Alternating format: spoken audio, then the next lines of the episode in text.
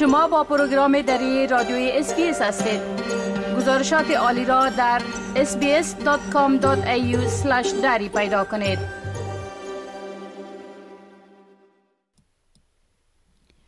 شنوندگان محترم و حال با همکار ما محترم جاوید رستاپور خبرنگار پروگرام دری SBS برای جنوب آسیا با تماس هستیم که ایشان در مورد تازه ترین تحولات در افغانستان گزارش میتن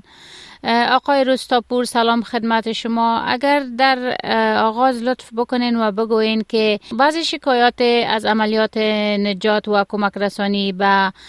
آسیب دیده های زلزله هرات وجود داره که گفته شده که کمک به قربانیان به بسیار کندی پیش میره. در این مورد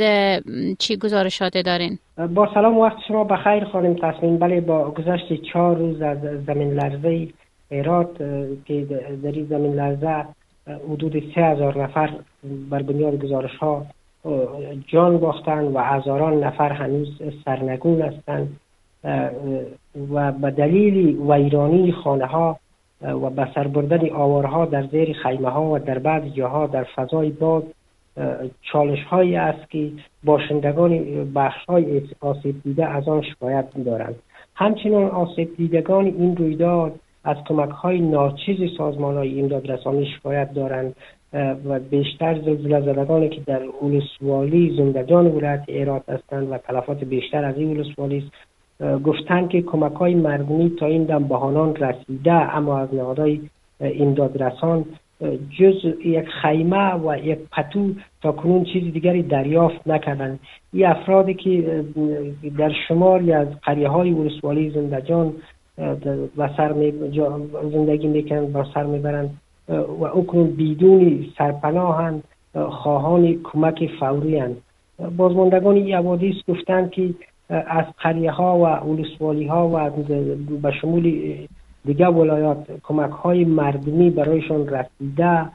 ولی با وجودی که ده ها نهاد امداد رسان و ده ها نیاز خیریه ابراز آمادگی کردن ولی تا کنون برایشان مواد غذایی کمک نشده و حتی یک دو شب گذشته را در یک شبانه روز اونا یک وقت غذایی که از مردم جمع شده و برایشان توضیح شده بیشتر کودکان شب گرسنه خوابیدن این در حالی است که چهار روز پیش یک زلزله شدیدی در هرات صورت گرفت و بر بنیاد گزارشات تا کنون حداقل شش پس لرزه این زلزله داشته و به اساس گزارش هایی که اداره طالبان ارائه کرد در این زمین لرزه تا کنون 3600 نفر جان باختن. و حدودی 5000 نفر دیگر همچنان زخم برداشتن و در این زمین لرزه حدود چهار روستا همچنان به صورت کلی خانهایشان از بین رفته. خوب گفته شده که طالبان یک رادیو را در دایخوندی بسته کردن و کارمندایش هم بازداشت کردن با وجودی که کارمندای ای رادیو دوباره آزاد ساخته شدن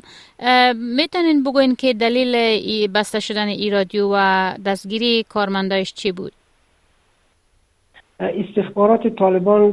چند روز پیش سلطان علی جوادی مدیر مسئول رادیو نسیم را امره با سیف الله رضایی و مجتبا قاسمی دو خبرنگاری این رادیو بازداشت کرد. نزدیکان این خبرنگاران گفتند که آنان بدون کلام دلیلی بازداشت شدند و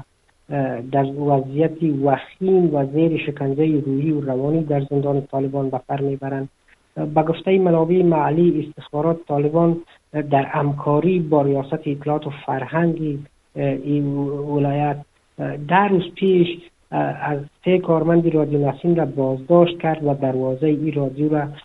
مسدود کرد و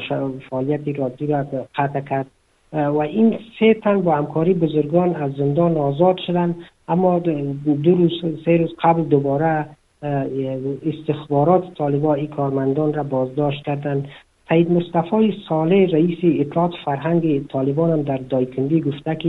این سه کارمندی رادیو نسیم به خاطر نشر خبرهای تحریک آمیز و همچنان همکاری با رسانه‌های بین‌المللی بازداشت شدند ریاست اطلاعات فرهنگ طالبان در دایکندی گفته که یکی از این کارمندان رادیو نسیم به زودی آزاد خواهد شد اما دوسیه دو کارمند دیگری رادیو و محکمه فرستاده شده و تا در مورد قضیه اینا محکمه تصمیم بگیرد. این در حالی است که نادای حامی رسانه ها ایتیادی ها ایتیادی های خبرنگاران گفتند که با مسئولین و مقام های طالبان در خصوص آزادی ایسه خبرنگار صحبت کردند و خواهان دادخواهی شدند که تا ایسه خبرنگار از زندان طالبان آزاد شند طالبان از زمان تسلطشان بر افغانستان رسانه را معدود ساختند و تاکنون دهها خبرنگار را بازداشت کردند و در زندان طالبان شکایت های وجود داشت که زیر شکنجه قرار داده شدند و شمار زیادی از خبرنگاران به همین دلیل افغانستان را ترک کردند و در کشورهای همسایه بیشترشان منتظر هستند که به کشور سومی انتقال یابند. بله تشکر آقای روستاپور طالبان یک تعداد از پست های رسمی را در وزارتخانه به رقابت آزاد گذاشتن چی کسایی می‌تونه به این وظایف درخواست بده و یا آیا صرف اعضای طالبان به این وظایف گماشته خواهند شد؟ هرچند تعدادی از وزارتخانه های حکومت طالبان اخیرا شماری از بست خالی را به رقابت آزاد گذاشتند. اما جوانان کسایی که تازه از دانشگاه ها فارغ شدند و بیکار هستند ادعا می‌کنند که روند سپردن بست ها به رقابت آزاد یک نمایش است. این جوانان از ولایت های مختلف گفتند که حکومت طالبان از یک سو افراد مسلکی را از ادارات مختلف برقرار کرده و از سوی دیگر برخی بحث را به اعلان می‌گذارد که به باور آنان این کار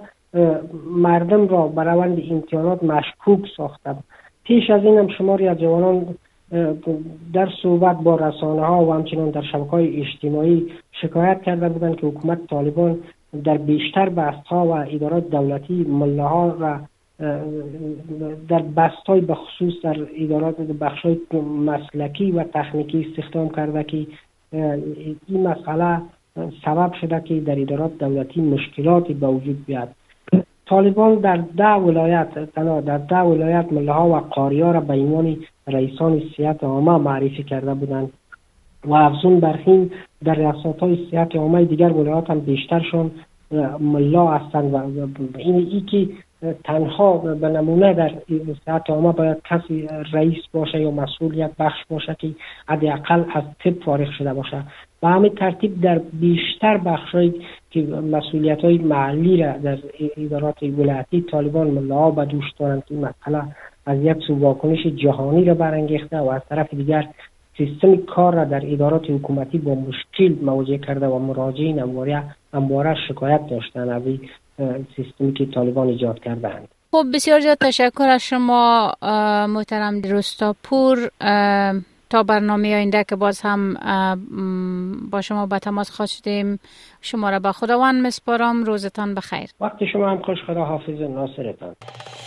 بپسندید شریک سازید و نظر دهید. اسپیس دری را در فیسبوک تعقیب کنید.